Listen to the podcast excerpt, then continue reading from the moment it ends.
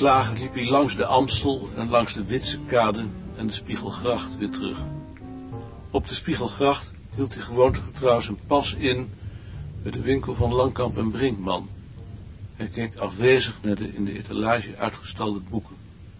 Toen hij met een schok zijn boek over de wanden zag liggen. Hij keek ernaar. Zijn naam was in witte droge letters midden op de omslag over een muur van baksteen gedrukt.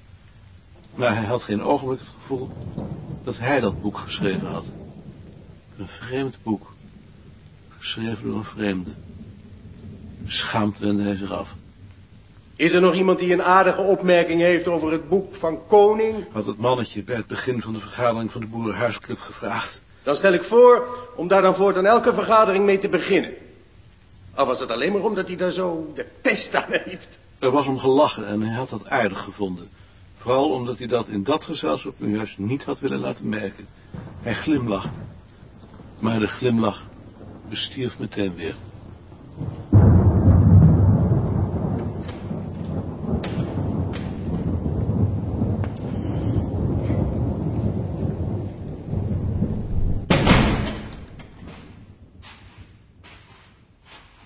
Ik eh, meld je maar even dat Rie zich ziek heeft gemeld.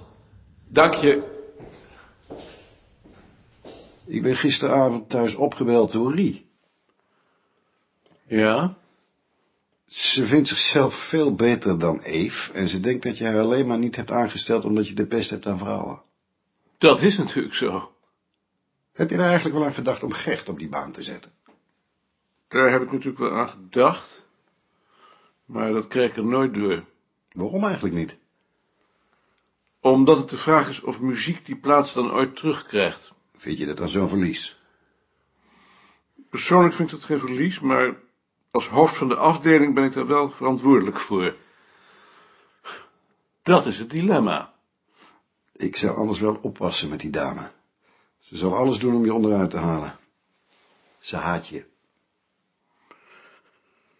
Dat moet ze dan maar doen.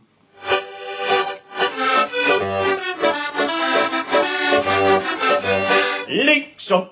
Ed, Kan ik je misschien even spreken? hier? Ergens anders mag ook wel. Ik bedoel, alleen? Oh nee, dat kan me niet schelen. Ga dan maar even zitten. Zeg maar. Ik hoor van Rie dat jij misschien een baantje voor me hebt. Ik zou dat wel graag willen hebben. Is Rieder dan? Ja, ze is er. Maar ik heb geen baantje. Ja, ik, ik dacht dat Richard het baantje van Freek toch niet wilde hebben. Dat is een baan een wetenschappelijk ambtenaar. Maar als die niet vervuld wordt, heb je toch geld over? Ja, maar dat kan ik niet voor iets anders gebruiken. Oh, Ben je nog onder behandeling van een psychiater? ja. Nog wel. En hoe gaat het nu? Ik heb nu al een half jaar geen depressie gehad. Maar je krijgt nog wel antidepressiva? Ja, dat nog wel. Dan word je toch weer afgekeurd? Denk je? Vorige keer ben je toch ook afgekeurd? Maar toen was ik pas uit de inrichting. Dat maakt geen verschil. Ik heb je toen beloofd dat ik het opnieuw zou proberen als je niet meer onder behandeling was. Anders werkt het alleen maar in je nadeel. Oh,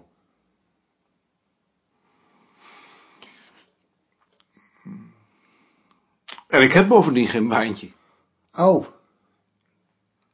Dus het kan niet. Nee. Het kan niet. Ik zou het wel graag willen, En dan, dan ga ik maar weer. Ik vind het wel jammer natuurlijk. Ja, het is jammer. Nou. Dag. Dag. Dat is toch een geweldige rotstreek. Ze probeert gewoon wraak te nemen over de rug van Ed. Ik denk niet dat ze zich dat zo bewust is geweest. Rechtsop. Ik hoor van Rie dat Richard het baantje van wetenschappelijk ambtenaar niet meer wil hebben. Kan ik dat niet krijgen? Heeft ze niet bij gezegd dat Eve dat krijgt? Jawel, maar ik was er toch eerder dan Eve.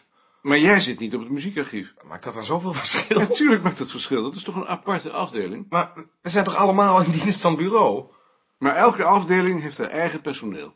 Dus ik heb gewoon pech gehad dat ik hier zit. Ja, je hebt pech gehad. En als ik nou zou solliciteren? Dan zou je je niet nemen omdat je niets van muziek weet. En bovendien is er geen vacature. Begrijp je het? Nee. Nee, ik begrijp niet dat iemand die hier later komt eerder wetenschappelijk ambtenaar wordt. Op muziek is één formatieplaats voor een wetenschappelijk ambtenaar. Als die vrijkomt, dan komt een van de anderen daarvoor in aanmerking. Wij hebben drie van zulke formatieplaatsen. Bart, Ad en ik. Dan komt Sien binnenkort bij. Als een van ons uitvalt, dan komen Lien en jij daarvoor in aanmerking. En anders moet je wachten tot het departement toestemming geeft om jullie administratieve functie om te zetten in een wetenschappelijke. En hoe lang duurt dat dan? Als ik aan het departement laat weten dat jullie opleiding voltooid is. dus als jij dat wil, dan kan dat morgen al. Ik heb ze, ik heb ze in de tijd gezegd dat die opleiding vier jaar duurt. Ik begrijp het. Salueer je tegenwoordig niet meer? Oh ja, waarachtig. Ja.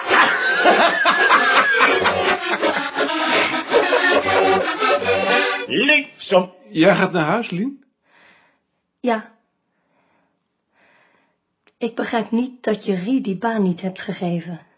Ze heeft de hele nacht liggen huilen. Omdat ik Eve geschikter vond. Maar Rie weet toch veel meer van muziek? Het gaat er niet alleen om wat ze weet, ze moet ook Jaring kunnen vervangen. Ik, ik denk dat Eve daar beter in is. En waarom neem je Gert dan niet? Omdat Gert niets van muziek weet. En toch vind ik het niet eerlijk. Daar kan ik er niks aan doen. Nou. Dag. Tot morgen. Dag, Lien. Het wantrouwen in zijn rechtvaardigheid van iedereen maakt hem diep neerslachtig. Ze hadden daar geen reden voor. Het was omdat hij de baas was, terwijl hij de baas niet wilde zijn. Wegwezen was de enige gedachte die overbleef. En een gevoel van verlatenheid. Zo moet Christus zich gevoeld hebben op de Olijfberg, dacht hij met enige zelfspot. Waarom zeg je niks? Zeg ik niks? Je hebt de hele maaltijd nog geen woord gezegd. Heb ik daarom nou zo'n lekkere maaltijd gekookt?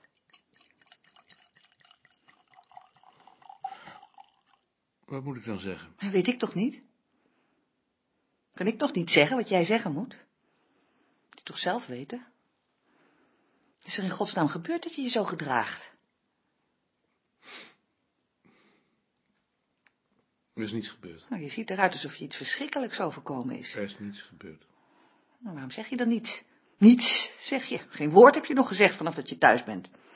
Lucht ben ik. Ik kan net zo goed in de keuken gaan zitten. Je zou het niet eens merken. Maar als ik nou niet weet wat ik zeggen moet. Wat krijgen we nou? Wat zullen we nou krijgen? Je gaat me toch zeker niet ook nog een beetje zitten afbekken? Dat ga je toch zeker niet doen? Je gaat me toch zeker niet ook nog op een donder geven omdat ik je vraag om je wat vriendelijker te gedragen? Je laat mij toch zeker niet het slachtoffer worden van jouw humeur? Dat heb ik toch niet verdiend? Laat me dan met rust. Met rust laten? Met rust laten? Nou zal het helemaal mooi worden. Met rust laten. Sinds wanneer mag ik niet meer met je praten? Hè? Sinds wanneer is het me verboden om aan tafel een gesprek met je te voeren? Met rust laten. Het lijkt wel of je gek geworden bent met rust laten. Heb je ooit van je leven? Nou, ga, ga dan liever meteen de straat op. Zeg, hè? Ga dan alsjeblieft meteen mijn huis uit en kom nooit meer terug. Laat ze op, alsjeblieft. Als je vindt dat ik je niet met rust laat, wat doe je hier dan nog? Waarom zou je in godsnaam, waarom zou ik je in godsnaam met rust moeten laten? Leg het me dan eens uit, hè? Leg me eens uit waarom ik je plotseling met rust moet laten. Leg me, leg me eens uit waarom je je plotseling gedraagt als een, als een gek. Leg me dat eens uit. Omdat ik dat vraag. Omdat je dat vraagt. Omdat je dat vraagt. Heb ik ooit, zo zout heb ik het nou nog nooit gegeten. Omdat je dat vraagt. Waarom donder je dan niet op? Omdat ik dat vraag.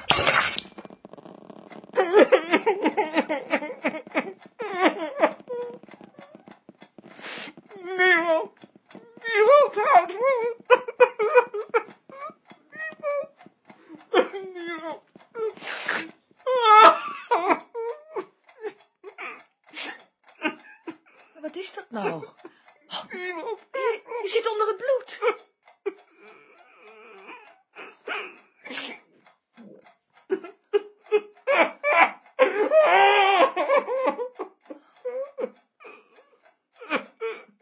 Nee, nee.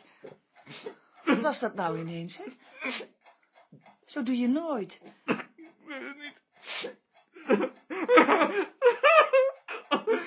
ik vind het ook zo verschrikkelijk op het bureau. Zo verschrikkelijk is het toch niet? Ik heb zo'n rot leven. Maar dan moet je toch geen glas stuk slaan? Het was dat mooie glas. Het laatste glas van de Lijnbaanse gracht. Ja? Kom je nou weer aan tafel? Ja. Even mijn gezicht wassen.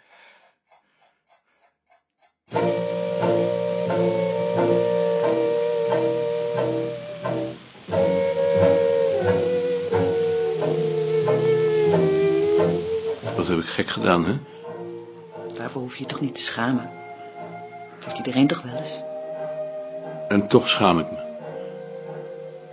Je bent lief. Ach, lief. Ja, je bent lief. Trek je er maar niets van aan. Je trekt je er natuurlijk toch iets van aan.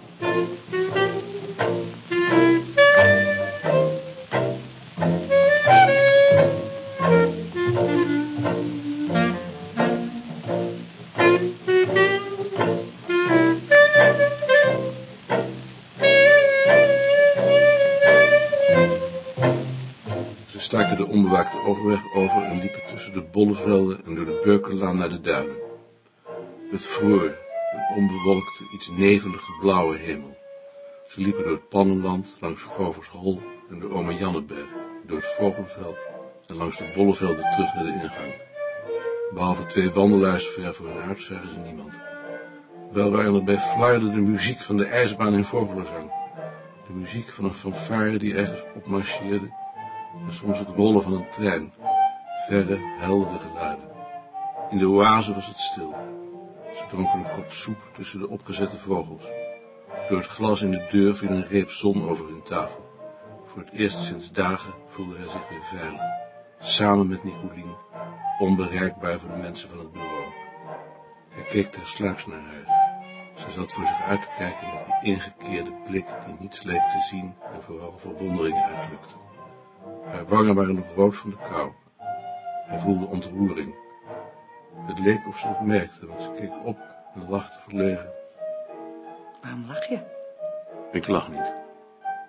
En hij bedacht, toen ze weer voor zich keek, dat alleen deze ogenblikken van ontroering straks, als hij dood zou zijn, zijn leven zouden rechtvaardigen. Maar omdat hij ze opsloot en verstikte, net als zijn vader, zou bijna niemand zich gemerkt hebben.